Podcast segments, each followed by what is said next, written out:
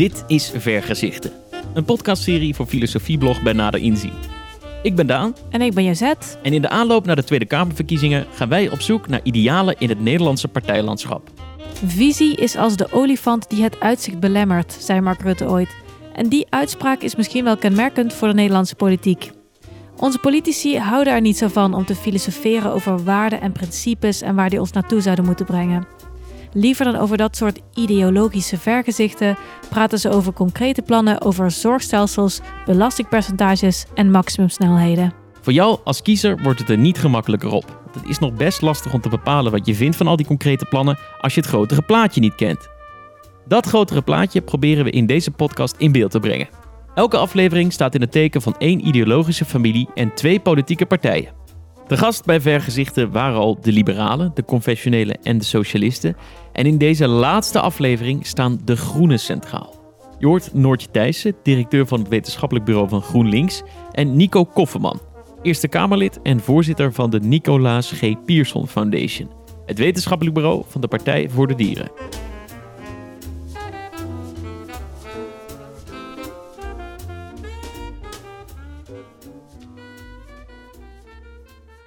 Noortje Thijssen van uh, GroenLinks, leuk dat je met ons in gesprek wil in, uh, in Vergezichten. Ja, fijn uh, om hier te zijn. Nu staat deze aflevering in het teken van de Groenen. Um, nu zijn jullie groen, maar ook expliciet links, namelijk GroenLinks. kan je eens vertellen waar dat zo vandaan komt? Ja, ja GroenLinks. Um, eigenlijk de officiële oprichting, dat was 1990. dus ook al wel weer een behoorlijke tijd geleden. Uh, maar we hebben ook uh, ja, voorvaderen, zoals het dan heet. Uh, ja, in de jaren 60 uh, zijn verschillende kleinere partijen opgericht, ook in die tijd. en dat zijn eigenlijk de partijen geweest die later GroenLinks zijn gaan vormen in de jaren 90. Um, en misschien is het wel leuk om even te benoemen welke partijen dat waren. allereerst de CPN. Uh, die bestonden al wat langer. Uh, die bestonden echt al, uh, nou, volgens mij in de jaren 40, als ik het goed heb. Maar dat is de communistische tak binnen GroenLinks. En daar komt natuurlijk ook heel erg ons ja, sociale verhaal ook vandaan. al is dat sociale verhaal ook behoorlijk aangepast door de tijd. Um, en dan zijn er nog twee andere partijen, de PPR en de PSP.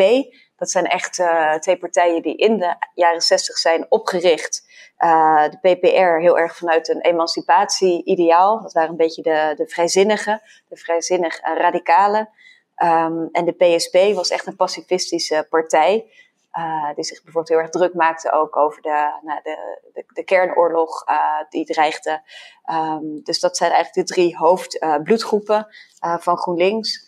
En dan heb je ook nog een uh, vierde partij, de EVP. Dat was de uh, christelijke partij. Uh, en die is er later ook bijgekomen tijdens de fusie. Alleen die had wel echt wat minder in de melk te brokkelen tijdens die fusie. Dus ja, deze drie, dat zijn wel echt de hoofdstromen. En hoe is dan eigenlijk dat groene bij jullie erin geslopen? Ja, nou dat komt echt vooral bij de PPR vandaan, maar ook bij de PSP.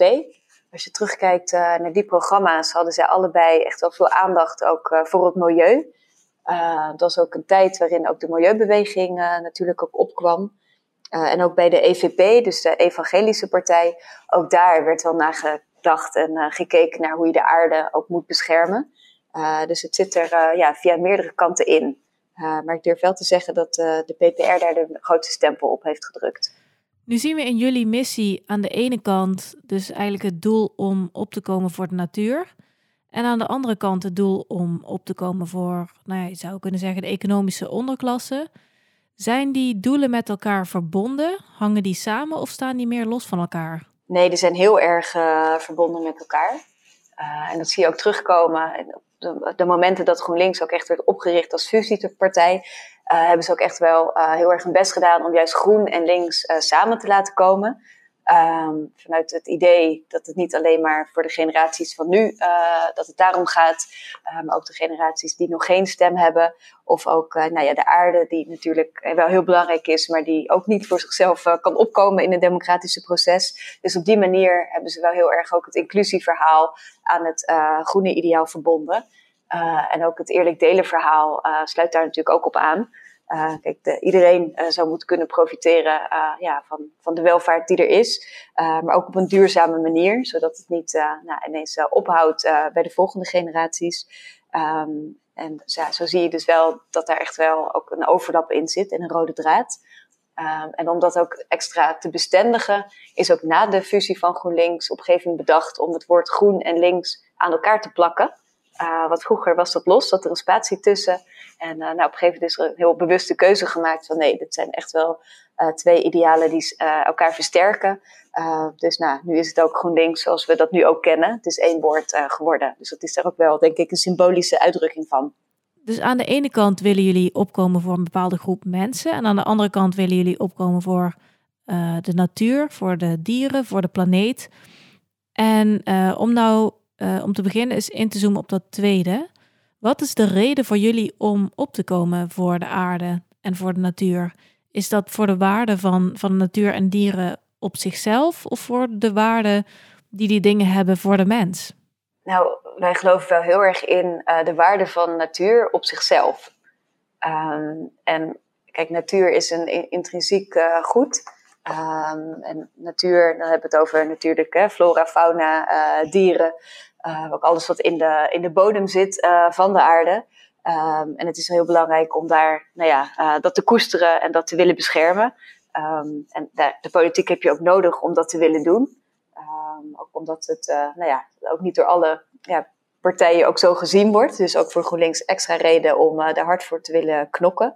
En tegelijkertijd uh, kun je natuurlijk ook op een hele slimme manier gebruik maken van wat de aarde te bieden heeft. Ik denk aan zon, ik denk ook aan wind.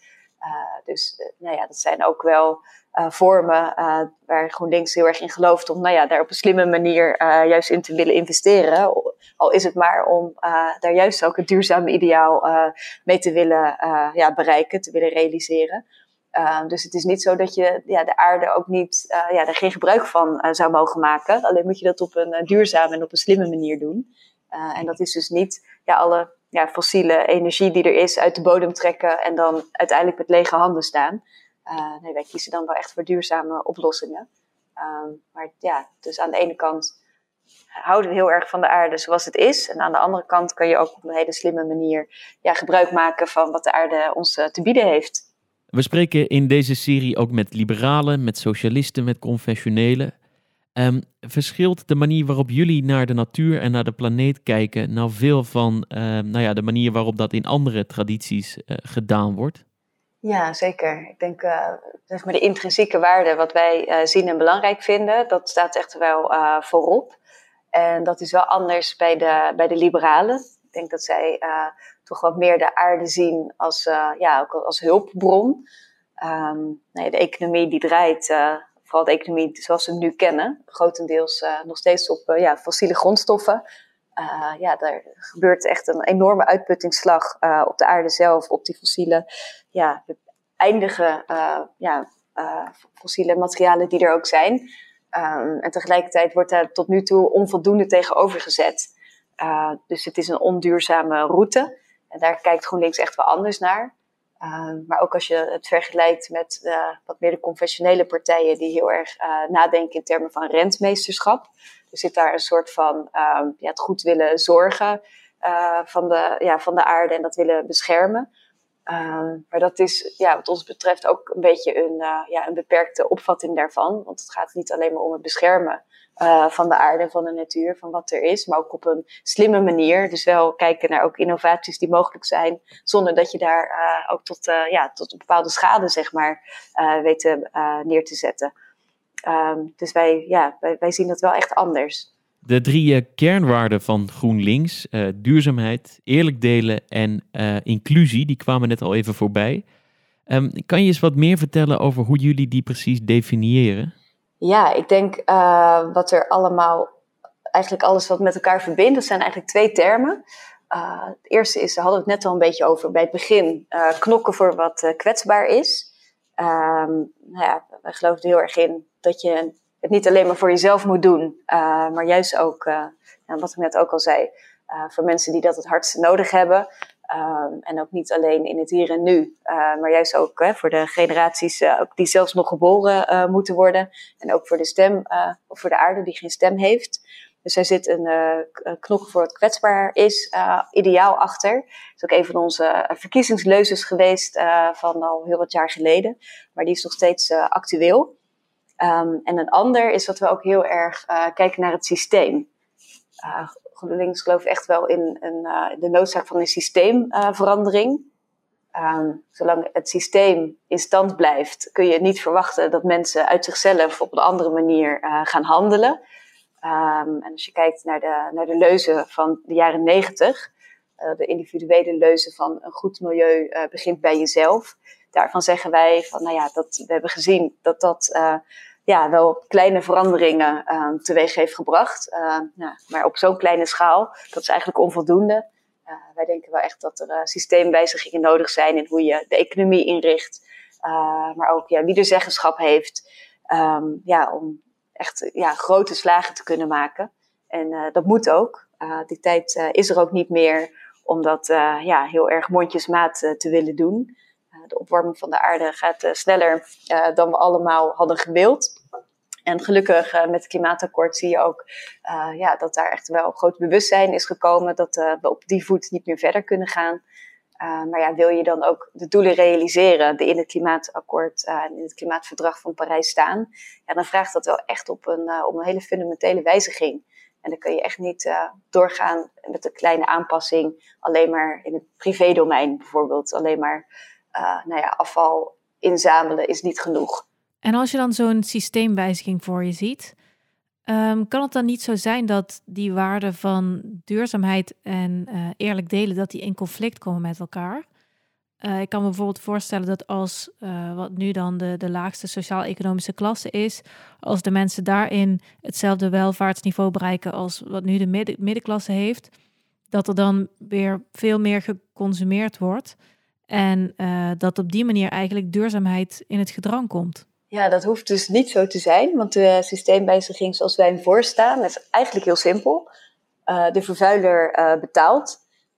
Dus dat betekent dat alles waar een, nou ja, een CO2-prijs aan hangt, en, nou ja, alles wat, wat vervuilend is, ja, daar, daar komt ook een belasting tegenover te staan. en het geld wat je daarmee dus ophaalt, uh, dat is natuurlijk vooral ook met de CO2-belasting die wij bijvoorbeeld zouden willen invoeren. Uh, of ja, voor de grote vervuilers, de grote fossiele industrie, uh, om maar een voorbeeld te noemen. Um, kijk, dat kun je dan inzetten om juist arbeid weer goedkoper te maken. en om veel meer over te stappen naar, een, ja, naar dienstverlening bijvoorbeeld. En daar profiteren uiteindelijk, ja, profiteert iedereen daarvan. Alle werknemers profiteren daarvan.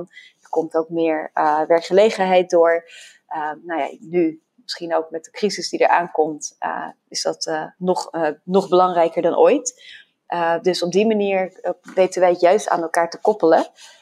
en heb je daar geen verliezers mee, maar eigenlijk alleen maar winnaars als je dat op een slimme manier ja, goed weet, ja, weet in te regelen. Dus de kosten voor de verwezenlijking van het duurzame ideaal, die komen terecht bij de vervuiler, dat is duidelijk. Um, en ik heb eigenlijk zo'nzelfde vraag over de kosten van uh, het eerlijk delen ideaal. Want ik kan me voorstellen dat daarvoor ook iets ingeleverd moet worden. En bij wie, bij wie komen dan eigenlijk de kosten terecht? Uh, nou, enerzijds dus ook vanuit die, die, fossiele industrie, omdat je daar een belasting heft. En dat geld, uh, dat stop je daar waar het het hardste nodig is. Maar wij geloven ook nog heel erg in het idee van een, een, ja, een progressieve belasting. Dus degene met hoogste inkomens, uh, die dragen uh, meer bij. En uh, ja, mensen die ja, wat minder inkomen hebben, ja, die profiteren daarvan, omdat zij of minder bijdragen of zelfs ook nou, bepaalde toeslagen krijgen. En daarbij streven we wel ook naar een systeem waarbij ja, personen die echt niet kunnen rondkomen ook echt wel een goede minimale basis hebben, zodat niemand uh, er uiteindelijk echt uh, nou ja, onder hoeft te lijden. Wij denken dat Nederland daar, uh, nou ja, die is ook zo welvarend. we kunnen het ook niet toelaten of niet toestaan dat mensen echt onder een bepaald bestaansminimum uitkomen.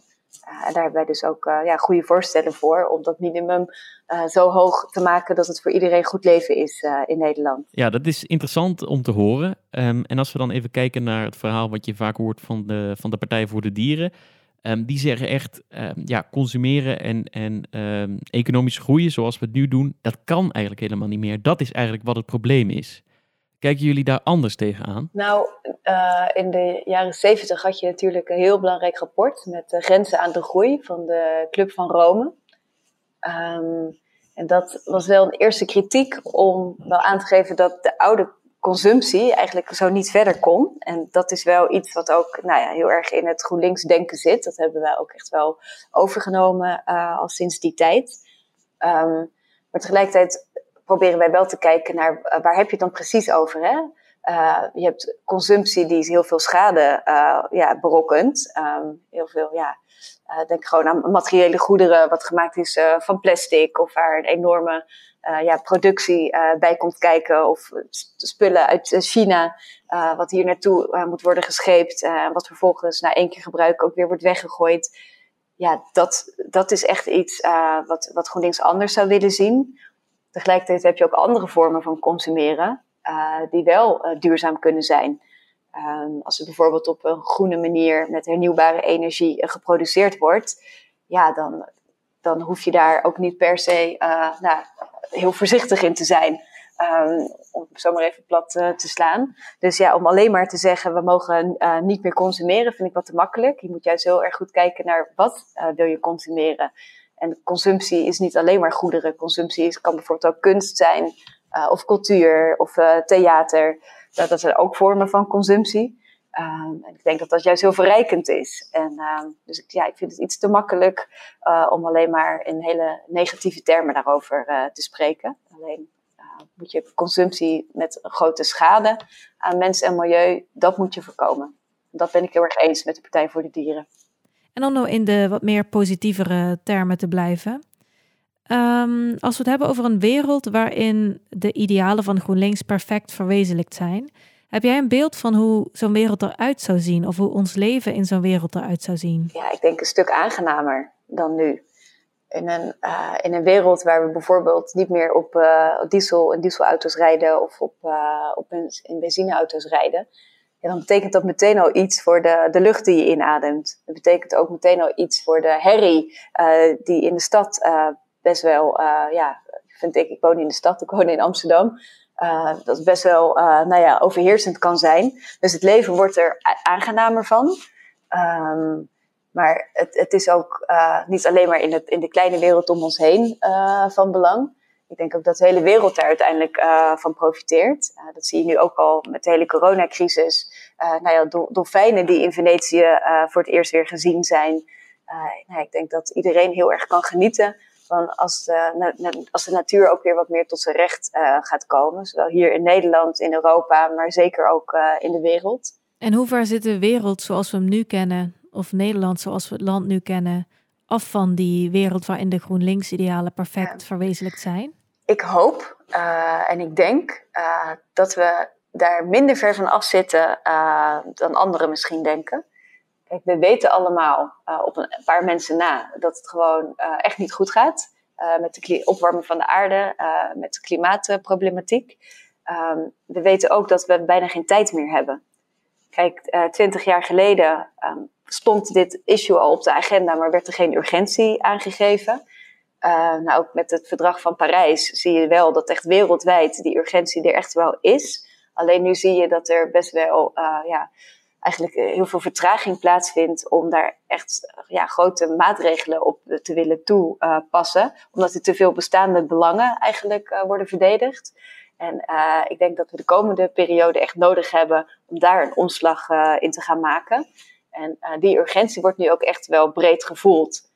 dat we ook in Nederland afgelopen zomer voor de eerste ja, bosbranden ook op de Veluwe bijvoorbeeld hebben gehad. Dat moet gewoon echt een wake-up call zijn. En zo heb je in ieder land uh, wel echt ja, zichtbare tekenen uh, van dat het uh, niet de goede kant op gaat. dus ik geloof heel erg dat nou, de volgende politieke periode, ook na de verkiezingen, dat die groen wordt. Um, en dat zie je ook al in Europa. Dat is een enorme groene golf. Bijna ja, heel veel landen in Europa zie je dat groene partijen ook in de regering zitten en echt grote stappen zetten om echt op, juist op in de klimaatambities ook echt verschil te gaan maken. Um, dus het is nu gewoon de tijd ja, voor de groene beweging. En ik heb daarom ook hele hoge verwachtingen voor de verkiezingen die eraan komen. En ik denk ook ja, dat die tijd ook niet meer verloren kan raken aan, nou ja, aan, aan, aan tegenstribbelingen of aan het verdedigen van de status quo. Ja, en die andere twee waarden van jullie, dus eerlijk delen en inclusie, zie je dat net zo zonnig in eigenlijk? Ja, zeker. Want wat ik heel interessant vind, is dat, nou ja, nog steeds, het is niet mijn partij, maar je ziet wel dat alle partijen ook wat meer aan de rechterkant uh, wel een beetje nu, uh, nou ja, wat meer naar links aan het buigen zijn. nog steeds niet links genoeg, als je het mij vraagt. Maar het feit dat zelfs de VVD en het CDA zeggen dat we deze crisis al investerend uit moeten komen, dat betekent heel veel. En dat is ook een groot verschil ten opzichte van de kabinetten Balkenendes, uh, die ook te maken hadden met een, ja, een crisis waaruit Nederland toen eigenlijk ja, weer sterker moest komen door te bezuinigen. Volgens mij ziet niemand daar nu het voordeel van in. Alleen is de vraag, wat gaan we dan doen met al die miljarden die beschikbaar komen? hoe zetten we die in? En dan zie je wel dat de linkse partijen wel echt nodig zijn om dat echt op een sociale manier te willen doen. En ook echt op een groene manier. Als aan GroenLinks ligt, gaan al die miljarden ook grotendeels uit naar die klimaatfonds. waar ook iedereen van kan profiteren. Um, dus, maar ik ben er wel optimistisch over dat dit nou ja, wel een, crisis wordt waar we als land dus beter uit kunnen komen. en qua inclusie, dat is dan natuurlijk het derde punt ik denk dat de beweging zoals Black Lives Matters bijvoorbeeld een hele belangrijke rol daarin speelt. Laat zien dat ook in de instituties zoals we die nu kennen ook een systeemwijziging nodig is. Um, nou ja, dit, dat, dat, dat, de bewustwording zeg maar, daarover, dat is er nu. Um, en ook de komende periode moet dat ook gaan leiden tot, tot verschil. zowel bij de politie, bij de brandweer, maar ook bij alle overheidsorganisaties, zelfs in het bedrijfsleven uh, moeten veel meer inclusief en divers worden gedacht. Um, en ik denk dat dat ook echt wel duidelijk is geworden de afgelopen tijd. Um, en ook daar zie ik wel een beweging. Kijk naar de Zwarte Pieten discussie. dat ook Mark Rutte nu aangeeft ja, van standpunten zijn gewijzigd. Dat de publieke omroep al lang zover is. Dat ze wel positieve tekenen aan de wand. En dan is het ook aan partijen zoals GroenLinks om ja, om daar ook het voortouw eh, in te willen nemen samen met die sociale bewegingen. Laten we dan eens even een kijkje nemen bij de concurrenten. Um, jullie schaken eigenlijk op twee borden. Binnen de groene familie concurreren jullie met de Partij voor de Dieren. Um, en binnen de linkse familie met de PvdA en de SP. Um, om even met dat laatste schaakbord te beginnen. is GroenLinks anders links dan de socialisten en de sociaaldemocraten? ja, het zijn natuurlijk wel onze linkse broers en zussen. Tegelijkertijd zie ik ook wel verschillen. Uh, niet zozeer met de PvdA. Ik denk dat, uh, nou ja, dat zie je ook als je de verkiezingsprogramma's naast elkaar legt. Uh, er zit daar wel een hele grote overlap in. en dat is mooi, want dan kun je ook samen optrekken. Dan kun je daar ook goed in, in samenwerken en elkaar ja, versterken, waardoor ook echt een, een, een, blok van betekenis wordt, echt een machtsblok wordt. Um, en bij de SP zie ik wel, wel verschil. Ik denk dat ja, dat GroenLinks wel iets meer oog ook heeft voor mensen die nu buiten de boot vallen. Um, dus wij kijken uh, zowel naar de rechten van mensen, uh, nou ja, van werknemers bijvoorbeeld, die nu werknemer zijn. Maar wij kijken ook heel erg naar de rechten uh, van werkenden, die niet zozeer een contract hebben bij een werkgever, zoals ZZP'ers en flexwerkers. Uh, nou ja, dat soort mensen die hebben het best wel moeilijk en gaan het ook in de komende crisis denk ik nog moeilijker hebben, omdat ze geen sociaal vangnet hebben. En juist bij die groepen die echt heel kwetsbaar zijn, daar heeft uh, GroenLinks wel uh, ja, grote prioriteit geven wij daaraan. En als we dan overschakelen naar het groene schaakbord, wat is dan het belangrijkste verschil tussen GroenLinks en Partij voor de Dieren? Um, ik denk het belangrijkste verschil. Nou, laat ik eerst over de overeenkomsten beginnen. Ik denk dat er heel veel overeenkomsten zijn. Ook zij uh, willen een systeemwijziging. Uh, ook zij zien echt wel een, ja, een duurzame wereld ja, voor zich, waarin natuur inderdaad de intrinsieke waarde heeft. En ik ben daarom ook heel blij met de Partij voor de Dieren. Ik vind het heel belangrijk dat zij ook heel agenderend zijn. En die rol hebben ze ontzettend goed ingevuld de afgelopen jaren. dus volgens mij zijn in die zin GroenLinks en Partij voor de Dieren ook nou ja, goede, goede maatjes van elkaar. Um, het verschil zit er erin dat, is dat GroenLinks wel veel breder is. Kijk, voor ons is uh, duurzaamheid even belangrijk als ja, gelijkheid, en, maar ook als zoals de inclusie, waar we het al over hadden. En een ander belangrijk verschil is dat wij wel, vind ik, um, iets realistischer zijn. wij geloven heel erg in een transitie. Ehm, ja, je kan de economie niet uh, van de een op de andere dag uh, ja, helemaal omgooien. Want dan ontwricht je de samenleving. En dan heb je meer verliezers dan je uiteindelijk winnaars hebt. Dus wij geloven heel erg in een uh, ja, realistische aanpak. stap voor stap, maar wel grote stappen willen zetten. Naar dat einddoel waar we het eerder ook over hadden. Um, en de Partij voor de Dieren, die ja, vind ik wat agenderender. Die, en wel ja, soms iets verder weg van, van de realiteit en ook van de politieke realiteit. Uh, ja, GroenLinks uh, doet in alle debatten mee. En uh, zoekt ook altijd heel erg naar, uh, ja, naar, naar, naar, meerderheden om ook, nou ja, ook echt verschil te kunnen maken in het dagelijks leven van mensen. ja, daarvoor moet je ook goed samenwerken met alle partijen die er zijn. En daar zie ik wel een verschil tussen, tussen ons. Ja. ja, dat brengt ons eigenlijk bij de vraag die we jou wilden voorleggen namens Nico Kofferman, de tweede gast in deze uitzending. Uh, hij is voorzitter van het wetenschappelijk bureau van de Partij voor de Dieren. En uh, zijn vraag aan jou gaat over de klimaatwet. Hij zegt: Partij voor de Dieren is eigenlijk de eerste partij geweest die gevraagd heeft om zo'n wet. Maar vervolgens zijn GroenLinks en de PvdA zelf een klimaatwet gaan ontwerpen. Uh, die breed omarmd is, van links tot rechts. Um, maar met deze wet uh, halen we de doelstelling van maximaal 1,5 graden opwarming eigenlijk niet. En hij vraagt zich af waarom GroenLinks zich neerlegt bij een compromis en niet doorpakt om toch een ambitieuzer doel te halen. Heeft hij daarmee volgens jou een punt? Interessant. Nee, ik vind dat hij daar helemaal geen punt mee heeft. Want als je een wet hebt uh, waar niemand verder ja, in gelooft, waar je niemand in meekrijgt, dan heb je eigenlijk gewoon een stuk papier gemaakt. En daarmee kun je dan heel mooi aan je eigen achterban vertellen uh, ja, waarom je zelf vindt dat je gelijk hebt. Op het moment ja, dat je geen, niet bereid bent om concessies te willen doen, uh, om ook uh, nou ja, een, een, meerderheid te vinden, bereik je uiteindelijk dus helemaal niks. Dus die klimaatwet die er is, die is zeker ambitieus. En het is echt wel een grote stap in de juiste richting. Ehm, maar daar heb je dus wel ook andere partijen voor nodig om die stap te kunnen zetten. We leven nog altijd in een, in een coalitieland. Um, dat is ook een verrijking, denk ik. Uh, dat uh, zorgt ervoor dat ook oppositiepartijen, uh, wat, wat GroenLinks lang is geweest, uh, nou, dat ze ook echt wel grote verschillen hebben kunnen maken, omdat we dus meerderheden konden vinden. Um, en daar doen wij het voor. Kijk, wij, wij bedrijven politiek omdat we echt geloven in ons programma. en omdat we ook weten dat het realiseerbaar is. En dat laten we daarmee ook zien. En uh, dat vind ik uh, van ongelooflijke waarde. Want als wij alleen maar ja, mooie verkiezingsprogramma's zouden schrijven om ons eigen gelijk te halen, dan, uh, ja, dan doen we dat mooi voor de bühne.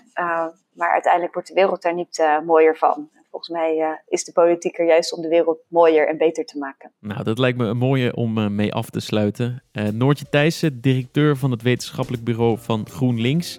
Ja, veel dank dat je jouw uh, visie op de idealen van uh, GroenLinks met ons wilde delen. Dankjewel.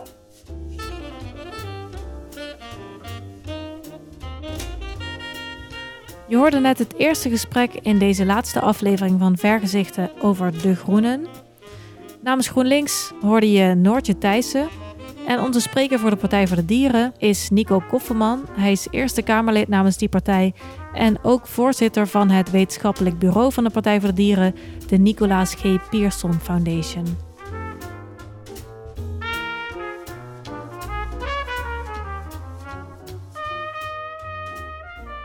Nico Kofferman, eh, fijn dat je te gast wil zijn in Vergezichten. De Partij voor de Dieren is de jongste partij die wij spreken in deze serie. Ehm, en we hebben hier ook nog eens de eer om te praten met een van de, de oprichters. En ja, een vraag die we eigenlijk aan al onze gasten wel proberen te stellen is met welk idee de partij is opgericht. Ja, het is toch wel een luxe dat jij ons dat uit uh, eerste hand kunt vertellen. Ja, zo werkt uh, oral history. Dat is hartstikke fijn. De Partij voor de Dieren is opgericht in 2002 vanuit de gedachte dat een aantal kabinetten Balkenende alle dierenwelzijnsregels en dierenrechten eigenlijk geschrapt had. Dus er waren heel veel vertegenwoordigers van dierenbeschermingsorganisaties die ten einde raad waren. En die zeiden, ja, we gaan elk jaar gaan we koffie drinken bij alle politieke partijen. En die luisteren oprecht welwillend naar ons. En die zeggen, ja, het is heel erg wat er met de dieren gebeurt. Maar ehm, ja, we moeten kijken of we daar aan toe komen. Dus ze kwamen altijd te laag op de prioriteitenlijst. Ze kwamen nooit aan de beurt. En die vertegenwoordigers van die politieke partijen die vroegen aan mij als reclamemaker. Uh, en ik was in die tijd adviseur van de SP, uh, extern uh, campagneadviseur. wat zouden wij nou kunnen doen om meer aandacht te krijgen voor de kwetsbare positie van dieren? Toen heb ik ze de suggestie gedaan: richt een eigen politieke partij voor de dieren op. En de gedachte daarachter was eigenlijk niet anders in aanvang dan proberen meer aandacht voor die dieren te krijgen. Um, nadat de partij was opgericht, um, waren er heel veel belangenbehartigers van dieren die zeiden: doe het eigenlijk toch maar niet. Want stel je voor dat er heel weinig mensen op die partij stemmen, dan zou dat de indruk wekken dat er in de samenleving helemaal niet zoveel affiniteit met het onderwerp is.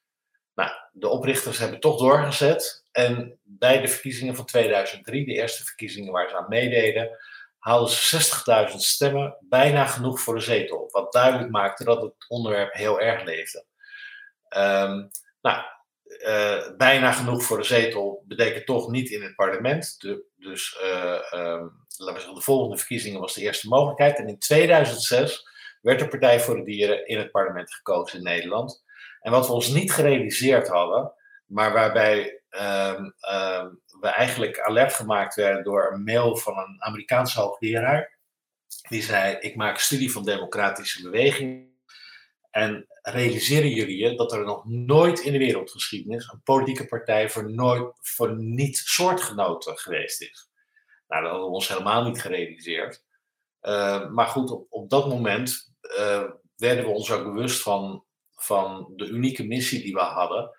En die unieke missie is nu ook wereldwijd aan, uh, aan het worden. Uh, er is inmiddels een Partij voor de Dieren in twintig andere landen, waarmee de Partij voor de Dieren ook meteen het meest succesvolle politieke exportproduct van Nederland is. Ja, dus met uh, de komst van jullie in het politieke landschap uh, zagen we eigenlijk een soort historisch en internationaal unicum.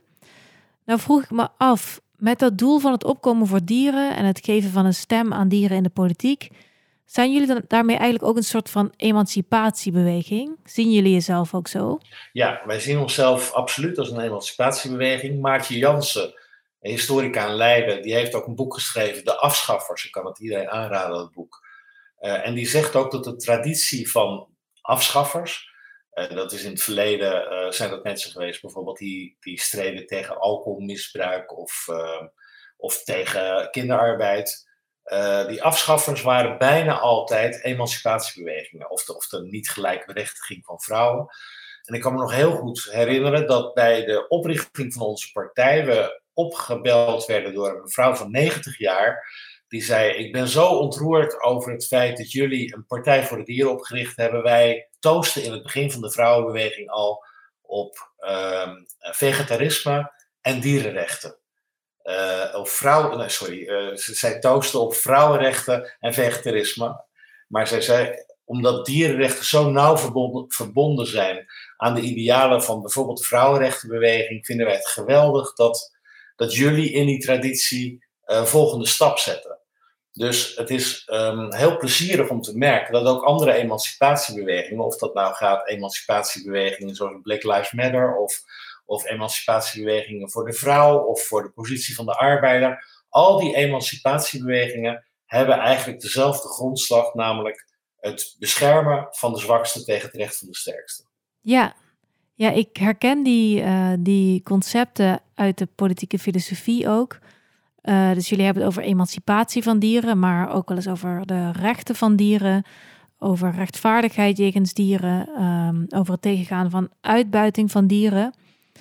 Uh, maar nou zijn die begrippen in de filosofie eigenlijk uitgevonden voor het reguleren van samenlevingen van mensen. En nou is mijn vraag: kun je die concepten wel toepassen op onze omgang met dieren? Ja, dat is een goede vraag. Um, kijk, het is zo dat het, het hele concept rechten uh, per definitie een concept is wat door mensen bedacht en, en ingevuld is.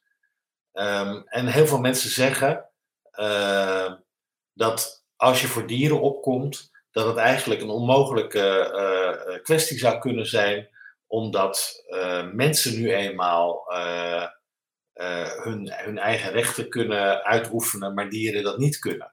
Nou, dat is natuurlijk een heel merkwaardig misverstand, wat wel heel breed leeft.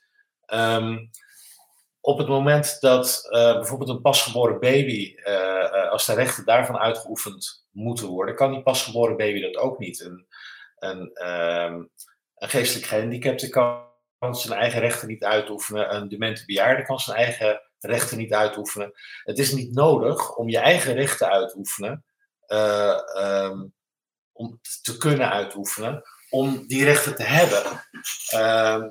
kijk, onze planeet um, uh, het leven op onze planeet, daarvan representeren wij mensen maar 0,01 procent. En de 99,99% van het overige leven uh, uh, zou dus rechteloos zijn, omdat ze niet passen in dat concept dat wij als heel klein clubje, als splinterfractie, bedacht hebben als mensen. Nou, dat is natuurlijk gek. En je ziet ook de gevolgen daarvan. Je ziet dat al het leven op aarde op dit moment gevaar loopt door de uh, superioriteit die de mens daar uh, eigenlijk claimt voor zichzelf. En dat al het leven, het verdere leven op aarde gevaar loopt en daarmee ook het leven van de mens. Dus de, in VVD-kringen heet het wel welbegrepen eigenbelang. Maar als mensen slim zijn, dan gaan ze gewoon veel verstandiger om met de rechten van dieren, natuur en milieu. Uh, en de erkenning daarvan. En als ze dat niet doen, ja, dan betekent het ook dat we zagen op de tak waarop we zitten. Dan, dan gaan we zelf ook ten onder. En als we het dan hebben over de motivatie voor dat beschermen van dieren. Um, als ik daar vanuit de ethiek naar kijk, dan komt bij mij de vraag op: is het idee daarachter dat leed of lijden met de lange ei, dat dat iets slechts is? Dus of dat nou door mensen of door dieren wordt ervaren, en dat we dat leed zoveel mogelijk moeten beperken. Dus een soort utilistisch idee. Of is eerder het idee dat elke vorm van leven, of dat nou van mensen of van dieren is, uh, dat dat een bepaald bestaansrecht heeft, of een bepaalde waardigheid, of dat het een bepaald respect toekomt.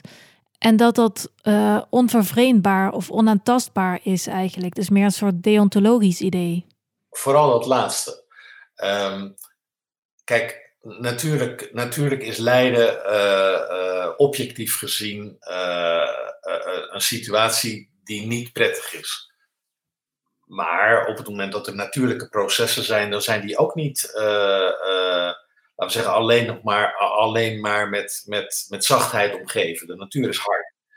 Um, maar um, in Nederland, in de Nederlandse wet, is de intrinsieke waarde van het dier erkend. Dus een dier vertegenwoordigt een waarde in zichzelf, los van zijn nut uh, dat hij heeft voor de mens. En die intrinsieke waarde die staat dus wel in onze wet, maar die wordt op geen enkele manier ingevuld. Dus op het moment dat een koe um, vier keer zwanger geweest is, vier keer een kalfje gekregen heeft, vier keer wordt het kalfje weggehaald omdat wij de melk uh, willen hebben als mensen en, en, en er dus geen ruimte meer is voor het kalfje, dan wordt die koe na vier jaar heel hard werken wordt die koe doodgemaakt. Nou, dat is volkomen onverenigbaar met het concept van een intrinsieke waardeerkenning. Je kunt niet zeggen dat die koe een intrinsieke waarde heeft die wij wettelijk erkennen, los van haar nut voor de mens, terwijl we dit met die koe doen. Dus uh, we zijn als mensen heel erg inconsequent om de rechten van andere levende wezens te erkennen. Um, en ook vooral de eigen waarde van levende wezens te erkennen. Uh, wij zijn geneigd om, um, om alles wat waarde heeft in geld uit te drukken. En dat is eigenlijk een heel armoedig en eenzijdig economisch concept. We hebben het uitgebreid gehad over jullie uh, ontstaansgeschiedenis en het idee uh, dat daarbij hoorde, namelijk het beschermen van dieren. maar jullie zitten in het parlement en daar komen ook andere thema's voorbij. Kan je eens vertellen hoe jullie omgaan met thema's die nou ja, niet direct raken aan het beschermen van dieren? Toen we in het parlement gekozen werden, kwamen we natuurlijk al heel snel tot de conclusie dat je je niet daartoe kunt beperken. Want je krijgt elke week krijg je, uh, nou pak een beetje, 75 voorstellen van allerlei verschillende politieke partijen, variërend van de prijs van de treinkaartjes tot de wijze waarop de studiefinanciering ingericht is, tot moeten we wel of niet uh, op een militaire missie naar Oeruzkan. En um, wij moesten dus um, uh, ook kijken waar in dat politieke landschap vinden wij nou een plek en op welke wijze kunnen we nou zeggen dat onze idealen verbonden zijn, ook buiten dieren, natuur en milieu. Um, we zagen dat bijvoorbeeld in de politieke traditie, de sociaal-liberalen zoals uh, begin uh, 20e eeuw, 1900, 1903, het kabinet Pierson, um, overigens uh, ja, is ons wetenschappelijk instituut genoemd naar een, uh, een familielid van Pierson, toevalligerwijs. Um, maar het kabinet Pierson stond bekend als het kabinet van de sociale rechtvaardigheid. Uh, dus dat waren liberalen, maar die wel vonden dat de overheid een regulerende functie had. Dus dat er gestopt moest worden met kinderarbeid, met slavernij, dat vrouwen een plek op de arbeidsmarkt uh, zouden moeten kunnen bevechten. Uh, eigenlijk allerlei sociale thema's waar de liberalen van nu niet meer aan toe komen of nauwelijks meer aan toe komen maar die toen hoog in het vaandel stonden. Dus wij hebben gezegd, wij zijn niet links of rechts, maar dat sociaal-liberale karakter, daar kunnen we ons in vinden. En wij hebben een aantal toetsstenen ontwikkeld om ons stemgedrag tegenaan te leggen voor die thema's die niet direct met dieren, natuur en milieu te maken hebben. En die toetsstenen zijn mededogen, duurzaamheid, persoonlijke vrijheid en persoonlijke verantwoordelijkheid. Ja, die duidelijke toetsstenen die zijn er dus. Uh, maar wat betekenen ze voor jullie? Hoe interpreteren jullie die? Ja, nou, mededogen, dat spreekt voor zich. Mededogen betekent dus inderdaad het, het belang van de zwakste beschermen tegen het recht van de sterkste. Uh, duurzaamheid betekent ook dat je uh, elk handelen wat je verricht, dat dat gericht moet zijn op de langere duur. Dus niet alleen kan ik nu goedkoop spulletjes kopen bij de Action, maar vooral ook uh, kan daar op langere termijn een, een, een, bruikbaar model voor de hele planeet mee in stand blijven. Um, kijk, wij, wij, wij, consumeren in het Westen op dit moment alsof we 3,5 tot 4 aardpollen ter beschikking hebben. En iedereen die, die daar langer dan een minuut over nadenkt, die begrijpt, ja, die vier aardpollen die zijn er niet. Dus als we dat op deze aardpol doen, dan zijn er tegelijkertijd op deze aardbol een heleboel mensen, maar ook dieren en planten en regenwouden die daar ernstig aan tekort komen. Wij nemen een voorschot op de toekomst en wij nemen een voorschot op uh, het, het, leven van anderen. Uh, dus dat betekent ook dat, dat wij ons een te groot deel van de rijkdommen van de aarde toe-eigenen hier. Nou, dat kan niet op een duurzame manier. op het moment dat mensen die, die bijvoorbeeld in gebieden wonen waar die rijkdommen geoogst worden, zoals in Afrika of in Azië, op een gegeven moment denken: ja, het wordt hier wel erg leeg. Uh, we hebben hier geen middelen van bestaan meer. Wij moesten maar eens gaan kijken in, in Noord-Europa. Ja, dan, dan heb je daar het vluchtelingenprobleem. Uh, wij denken dat de politieke partijen die het klimaatprobleem ontkennen, en die ook ontkennen dat we te veel consumeren, dat zijn ook de partijen die het vluchtelingenprobleem over ons afroepen. Um, nou, dan hebben we, uh, dus we hadden mededogen, duurzaamheid. Persoonlijke vrijheid vinden wij erg belangrijk. We willen niemand onze denkwijze opleggen. Maar we vinden het erg belangrijk dat mensen zelf tot het maken van zinvolle afwegingen uh, komen. en persoonlijke verantwoordelijkheid hoort daarbij, want persoonlijke vrijheid kan niet zonder persoonlijke verantwoordelijkheid. Je kunt niet tegen mensen zeggen: kijk maar wat je doet. Uh, die verantwoordelijkheid is daar heel erg belangrijk voor. Om te komen tot zinvolle afwegingen. Kijk maar wat je doet kan betekenen van, nou ja, als je dit leuk vindt, doe dat dan maar. Geen mondkapje, dan maar geen mondkapje. Heel verkopen en weggooien, doe dat dan maar. Dat zou persoonlijke vrijheid kunnen zijn. En in ons perspectief is die persoonlijke vrijheid altijd in het verlengde van persoonlijke verantwoordelijkheid en duurzaamheid. Ja, en, en komen die waarden niet ook wel eens uh, in conflict met dierenbelangen? Ik denk dan bijvoorbeeld aan de windmolens, uh, die heel erg mooi uh, duurzame energie voor ons opwekken, maar tegelijkertijd ook de fauna bedreigen door de, door de vogels die erdoor onthoofd worden. Ja, dan lijken duurzaamheid en dierenbelangen dus te botsen. Wat, wat gaat er voor jullie op zo'n moment dan voor? Nou ja, dat is, dat is inderdaad een uh, heel interessant uh, dilemma. Um, wat, wat overigens niet zo heel erg um, moeilijk hoeft te zijn. Want als het zo is dat windmolens bijvoorbeeld het, het, het leven van grote zeezoogdieren onmogelijk maken. Of als het zo is dat, dat windmolens zich gedragen als gehaktmolens voor trek, trekvogels, dan zijn ze dus niet duurzaam. Kijk, um, je, moet, je moet kijken of het concept duurzaamheid, wat net zoals het concept rechten ook door mensen bedacht is, um, of dat concept inderdaad ook holistisch wordt toegepast. Um, het is, het is een geweldig voorbeeld, uh, schrijnend geweldig voorbeeld in de EU, is dat in de EU afgesproken is dat energie uit biomassa, dat dat beschouwd wordt als zijnde energie-neutraal. Dat is het dus niet. Maar dat hebben ze afgesproken. Dus dat betekent concreet dat als je in Nederland een relatief schone gascentrale sluit en je vervangt hem door een vuile biomassacentrale die meer uitstoot dan een kolencentrale, dan noemen we dat duurzaam omdat er in Brussel afspraken zijn gemaakt dat biomassa energie-neutraal zou zijn. Ja, dat, dat betekent dus dat duurzaamheid niet beoordeeld moet worden volgens de kaders van een klimaatakkoord of een energieakkoord wat in het Nederlandse kabinet afgesproken wordt, maar integraal moet worden beoordeeld en getoetst op is het echt duurzaam.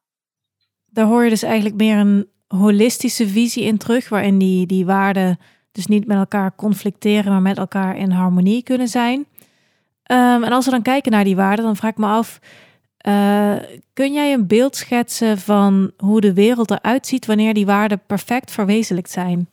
Ja, ja zeker.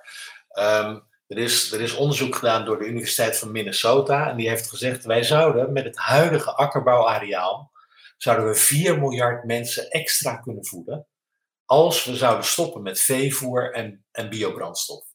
Dus dat betekent eigenlijk concreet dat wij het eten van heel veel mensen op dit moment opstoken in de tank van onze voertuigen en uh, uh, uh, verspillen aan veevoer. Op het moment dat je soja uit Brazilië haalt en je geeft dat aan onze varkens en koeien en 90% van de nuttige calorieën gaat verloren en 10% blijft over nadat je die dieren doodgemaakt hebt, dan, dan is dat een heel onethisch concept waar we met z'n allen aan gewend zijn geraakt. En um, nou ja, hoe zou die wereld er dan uitzien? Bijvoorbeeld, uh, als je zou stoppen met die inefficiënte productiewijze van, van, um, van dierlijke producten, dan zou je dus al in staat zijn om hongersnood te bestrijden. Uh, op het moment dat je uh, mensen um, tegemoet komt in het ontwikkelen van eigen middelen van bestaan, dan zou je dus niet langer kippenvleugels dumpen in Ghana, maar dan zou je zorgen dat mensen in Afrika zelfstandig, uh, economisch zelfstandig worden. Um, dus, dus ja, uh, wij denken dat, de, dat, dat zei Gandhi al, de wereld biedt genoeg voor ieders behoefte, maar niet voor ieders hebzucht. Um, je benadrukt dat de, de, Partij voor de Dieren een, een unieke partij is. Um, en toch vinden we ook groene idealen bijvoorbeeld terug bij GroenLinks. En past het sociaal liberalisme, uh, waar je zelf al over begon, dan weer bij D66, althans volgens die partij zelf. Ja, dat is wel een belangrijke, een belangrijke uh, uh, opmerking daarbij hoor. Ja. ja, want dat was eigenlijk de vraag waar ik naartoe wilde. Die verschillen tussen de Partij voor de Dieren en bijvoorbeeld GroenLinks en D66. Hebben we het dan over een verschil in, in gradatie? Of is er echt een, een fundamenteel onderliggend verschil in ideeën? Nou, er is echt een fundamenteel verschil. En um, Willem Schinkel die heeft dat heel kernachtig verwoord, wetenschapper Willem Schinkel. Die heeft gezegd, uh, eigenlijk zijn in Nederland alle politieke partijen varianten van D66 geworden. Van de SP tot de SGP en alles wat ertussen zit, het zijn allemaal varianten van D66. Allemaal korte termijn denkers. Allemaal mensen die op zichzelf wel sympathieke ideeën kunnen hebben maar die niet gericht zijn op een duurzame samenleving. Er is maar één partij die zich daar uh, uh, van onderscheidt en dat is de Partij voor de Dieren. Nou, dat is prettig om te horen dat iemand buiten de partij dat zegt, uh, maar zo beleven wij dat zelf ook wel. Alle politieke partijen in Nederland zeggen, ja, we leven nu eenmaal in een polderlandschap en dat betekent dat je nu eenmaal compromissen moet sluiten. We hebben deze week een voorbeeld gezien van de damherten in in de Amsterdamse waterleidingduinen. daar moeten vier, sorry, 2000 herten afgeschoten worden, wat, wat de politiek betreft. En dan, ja, dan ben je altijd benieuwd natuurlijk hoe duurzame partijen, of zichzelf duurzaam noemende partijen, zoals Partij van de Arbeid, GroenLinks, D66, daarover stemmen. Nou, het bleek dat die partijen allemaal stemden, schiet die damhert maar dood. Terwijl uh, elk, elk verzoek om, ja maar doe nou eens onderzoek naar een alternatief, of naar een andere manier waarop je uh, daarmee mee om zou kunnen gaan in termen van bijvoorbeeld het gebruik van anticonceptie, en dan zeggen die partijen, dat gaan we niet doen. Ja, dan kan je jezelf nog zo groen of liberaal noemen. Maar um, dat, dat wordt toch ongeloofwaardig op het moment dat je op je daden beoordeeld wordt. Ja, duidelijk. Dus het gaat om een verschil in, in uh, de groene waarde, om maar zo te zeggen. Um, maar de, Partij voor de Dieren heeft ook al een vrij uniek beeld van, uh, van hoe de economie zou moeten werken, toch? Of, ja. of ligt dat wel in het verlengde ook van wat GroenLinks bijvoorbeeld wil? Nee, nee, nee zeker niet. Um, eigenlijk kan je zeggen dat Groen, GroenLinks meer op het ecomodernisme zit. Van uh, alles komt goed op het moment dat we de menselijke intelligentie maar inzetten om uh, nou ja, tot oplossingen te komen. Elektrisch gaan rijden, uh, windmolens plaatsen. ja, dat. Hè, dus dus wij, wij, wij lossen het zelf wel op. We lossen het samen wel op. wij hebben het idee dat je echt naar een radicaal ander economisch model moet. Uh, Marianne Thieme die zei altijd: economische groei is niet de oplossing, maar het probleem. En dat is precies uh, zoals wij erin staan. Je kunt niet een economie eindeloos laten groeien op een aarde die, die niet meegroeit en hulpbronnen die niet meegroeien. Dus je kunt hooguit met een intelligente aanpak van duurzaamheid kun je proberen iets meer rek te vinden in de grondstofvoorziening van de aarde. Maar het is niet zo dat het meegroeit. Dus um, ja, uh, wij, wij denken dat dat een, een, een logische gedachte is dat je alle economisch handelen van mensen zult moeten laten afspelen uh, binnen de grenzen van wat de aarde te bieden heeft. Dus dat betekent ook dat je nooit meer, een, meer kunt consumeren dan, dan één, één planeet kan opleveren. Dat je een voetafdruk, een ecologische voetafdruk moet ontwikkelen die uh, niet alleen uh, heel veel kleiner is, maar ook um, ervoor zorgt dat mensen uh, op aarde, laten we zeggen, hetzelfde achterlaten als wat ze aangetroffen hebben. Dus dat je moet, moet, moet werken aan vernieuwing, aan verduurzaming, aan het volhoudbaar maken van economische activiteiten in plaats van een economie die, die uitgedrukt wordt in groeicijfers die groeicijfers, dat, dat, uh, dat is in feite een, een kamikaze-activiteit. Als je, als je uh, met blijdschap op de beurs reageert op, op groeicijfers, ja, dan geeft het aan dat je ook blij bent uh, over het tempo waarin de aarde op, op, opbrandt. Ja, het raakt eigenlijk aan een vraag die we jou nog wilden stellen namens Noortje Thijssen. Zij is directeur van het wetenschappelijk bureau van GroenLinks. Um, en zij geeft aan dat ze het mooi vindt dat de Partij van de Dieren ook wil regeren voor een groenere wereld en een groener Nederland.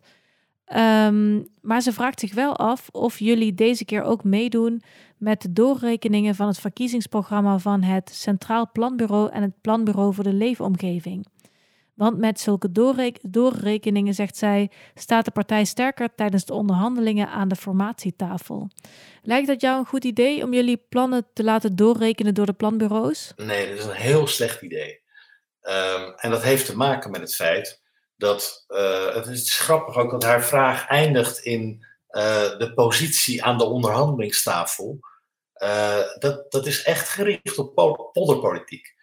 Um, het Centraal Planbureau um, en in mindere mate het Planbureau voor de Leefomgeving, uh, die, die, die richten zich in hun doorrekening helemaal niet op de gevolgen van ons handelen voor het buitenland. En dat is juist wat wij belangrijk vinden. Dus op het moment dat wij in staat zijn om heel veel uh, goederen uit het Braziliaanse regenwoud ten koste van het Braziliaanse regenwoud hierheen te halen, dan zegt het Centraal Planbureau, ja, fantastisch, het gaat goed met de Nederlandse economie. Maar wij kijken verder dan dat. Dus de modellen van het Planbureau voor Leefomgeving, maar vooral van het Centraal Planbureau, zijn zo beperkt um, dat ze schijnzekerheid bieden. Dus op het moment dat je echt een radicale koerswijziging wilt, en dat wil GroenLinks duidelijk niet, uh, uh, ja, als je een radicale koerswijziging hebt, uh, wilt, dan, dan, dan ga je dus juist niet laten doorrekenen volgens de, de, de, de, de, de laten we zeggen, de, de, de criteria van het Centraal Planbureau. Want het Centraal Planbureau zit helemaal op economische groei en drukt daar ook uh, de mate van succes of niet succes in uit. Nu klinkt in de vraag van Noortje al door dat het doorrekenen eventueel kan helpen uh, als jullie zouden willen gaan meeregeren. GroenLinks lijkt het ook wel wat, misschien met de Partij van de Dieren in een coalitie. Is dat iets wat, wat jullie ook denken van nou, dat, dat zouden we toch wel eens kunnen gaan proberen? Jazeker, wij staan zeer open voor het nemen van regeringsverantwoordelijkheid. Um, wij zitten nu 14 jaar uh, in het parlement in de oppositie. En wij staan erg open voor uh, uh, regeringsverantwoordelijkheid. Wat belangrijk daarbij is, is dat dat niet past in dichtgetimmerde regeerakkoorden. Dus wat je nu ziet, is dat um, zichzelf groen noemende partijen, zoals bijvoorbeeld D66, ja, die, die gaan akkoord met stikstofplannen in een coalitie die helemaal niet groen zijn. En dan zegt D66, ja, wij kunnen er ook niks aan doen. We zitten nou eenmaal in een coalitieakkoord. En de VVD en het CDA en de ChristenUnie willen het nou eenmaal niet anders dan dit. Dat betekent dus eigenlijk dat je je handen in onschuld wast of probeert te wassen. Dat zouden wij nooit willen. Wat wij denken is dat het politieke landschap zo gefragmentariseerd wordt, um, dat, um, dat binnenkort uh, een coalitie nodig zal zijn uit meer partijen um, die een akkoord op hoofdlijnen gaat sluiten. En op, op het moment dat wij op hoofdlijnen het eens worden over, jongens, wij moeten de klimaatverandering aanpakken. Wij moeten zorgen dat Nederland uh, duurzaam wordt in termen van uh, beschermen van onze natuur, het inkrimpen van onze veestapel, nou, als je op die hoofdlijn het eens bent met andere partijen, en ik denk dat we daar met GroenLinks, maar ook met D66 of de Partij van de Arbeid of de SP, maar ook wel met bijvoorbeeld de ChristenUnie het eens zouden moeten kunnen worden, dan kan je dus komen tot een kabinet op hoofdlijnen, een regeringsakkoord op, op hoofdlijnen, waarbij de andere thema's niet als compromis worden opgenomen, maar waarbij de andere thema's uh, overgelaten worden aan de uh, overige partijen om daar wisselende meerderheden voor te vinden. En die wisselende meerderheden, daar zullen wij het lang niet altijd mee eens zijn. Maar dat geeft ook niet, daar hoeven we ook niet voor te tekenen. Maar op het moment dat je tekent voor een compromissenakkoord, het letterlijk op een akkoordje gooit, ja, dan, dan is daar geen plek voor de Partij voor de Dieren. Ja, dus jullie willen wel regeren, maar in feite geen concessies doen. Dat is eigenlijk wat ik hierin in door. Nou, concessies willen we wel doen, maar Um, en compromissen zijn we ook niet eens vies van. Maar we zien dat de huidige politiek zich ontwikkeld heeft tot compromisme. Dus het compromis als hoofddoel. En daar zijn we niet van. De haalbaarheid van je idealen uh, moet niet, moet niet um, bepalend zijn voor de inzet die je hebt. Dus zelfs als wij denken dat, um, uh, uh, laten we zeggen, totale rechtvaardigheid in de wereld, dat we dat niet op afzienbare termijn tot stand zien komen, zal ons dat niet weerhouden om, om daar toch mee aan de slag te gaan. In die zin vind ik het geweldig wat Maarten Luther gezegd heeft. die zei van als ik wist dat morgen de wereld verging, zou me dat niet weerhouden om vandaag een boompje te planten. Nou, zo staan wij er ook in. Nou, dat lijkt me een mooie noot om op te eindigen. Nico Kofferman, Eerste Kamerlid van de Partij voor de Dieren en voorzitter van het wetenschappelijk bureau van de partij. Heel erg bedankt dat je met ons in gesprek wilde vandaag. Graag gedaan.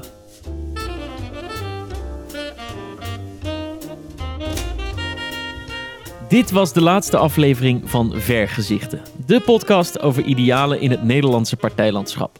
Wil je reageren op deze aflevering? Doe dat dan op www.bijnaderinzien.com en zoek naar de blogpost die hoort bij deze aflevering. Heb je nou genoten van deze serie? Laat dan een beoordeling achter in je favoriete podcast-app en zeg het voort aan je vrienden en familie.